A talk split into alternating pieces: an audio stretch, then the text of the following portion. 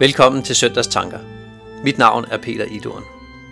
Søndagen er påskedag, og teksten vi skal læse til i dag, det er fra Markus evangeliet, kapitel 16, vers 1-8.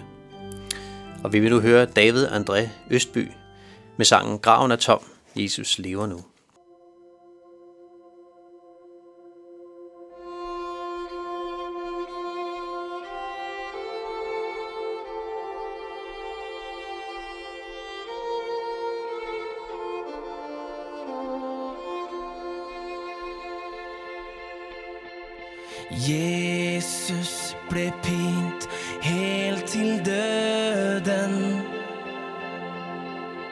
Valgte å blø for min synd.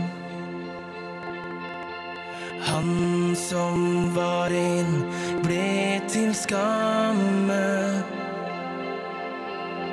Gud gjort til spott for min skyld. Graven er tom, Jesus lever nå. I ære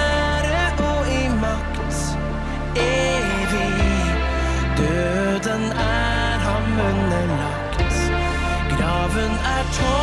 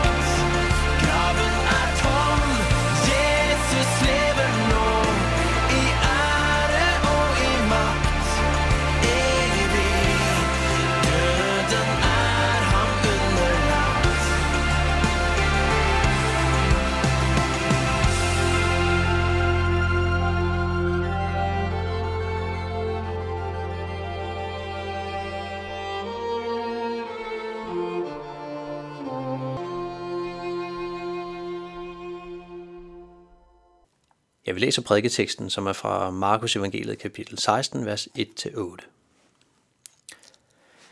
Da sabbaten var forbi, købte Maria Magdalena og Maria Jakobs mor og Salome vellukkende salver for at gå ud og salve ham.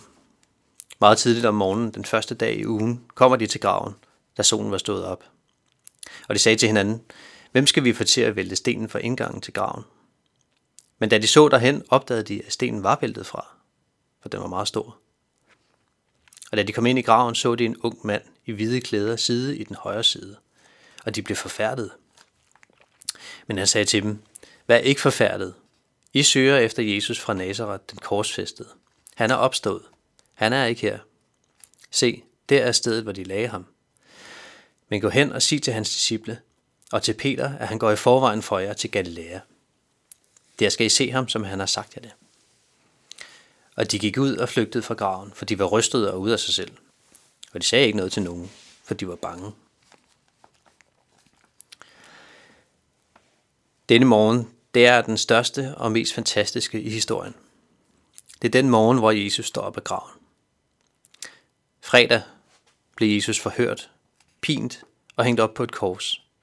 Han hang der til skam og til advarsel for alle om, hvad der sker, når man går imod det, som jøderne anså for det rigtige. Hele Guds frelsesplan blev gennemført langfredag. Den plan, at han ville ofre sin eneste søn, for at alle andre kunne blive frelst. Og i dag er det sejrens morgen. Det er morgenen, hvor Jesus står op af graven. Hvilket vil sige, at døden og satans nederlag er en realitet. Og det er ikke en midlertidig sejr. Det er ikke en midlertidig løsning, som offringerne i Gamle Testamente var. Nej, det er det endelige og det fuldbragte offer, som Jesus har givet for alle mennesker. Det er det offer, som han har givet for dig og for mig, som hører det her i dag. I 1. Korintherbrev, kapitel 15, står der, at døden er opslugt og besejret. Død, hvor er din sejr? Død, hvor er din brød? Døden er overvundet den her morgen. Den her morgen kan vi forkynde frihed for alle mennesker, på grund af hans død og opstandelse. På grund af det blod, som renser for al synd. Det blod, som Jesus han øh, udgød på korset. Vi kan forkynde frihed fra synden, fra døden og fra satans magt. Der er ikke magt over os mere efter påskemorgen. Jesus har slettet al synd, og han har besejret satan. Jeg tænker, jeg kan vide om øh, Maria Magdalene og Jesu mor og Salome. Tænk på det, da de tog ud for at salve den, salve den døde Jesus. Jeg ved, om de havde en forventning om, at åh, nu er det jo tredje dag. Og Jesus han sagde jo egentlig, at han ville opstå på den tredje dag. Så jeg kan vide, om han egentlig er der. Det tror jeg ikke, de har tænkt på. Jeg tror stadig, de har været i stor sorg. Fortsat over at have mistet Jesus. Og de har også været fuld af skuffelse over, at han til synligheden ikke var den messias, som de havde forestillet sig. Og de snakker også med hinanden om, hvem de skal få til at fjerne stenen foran graven. De regner altså med, at han stadig er i graven.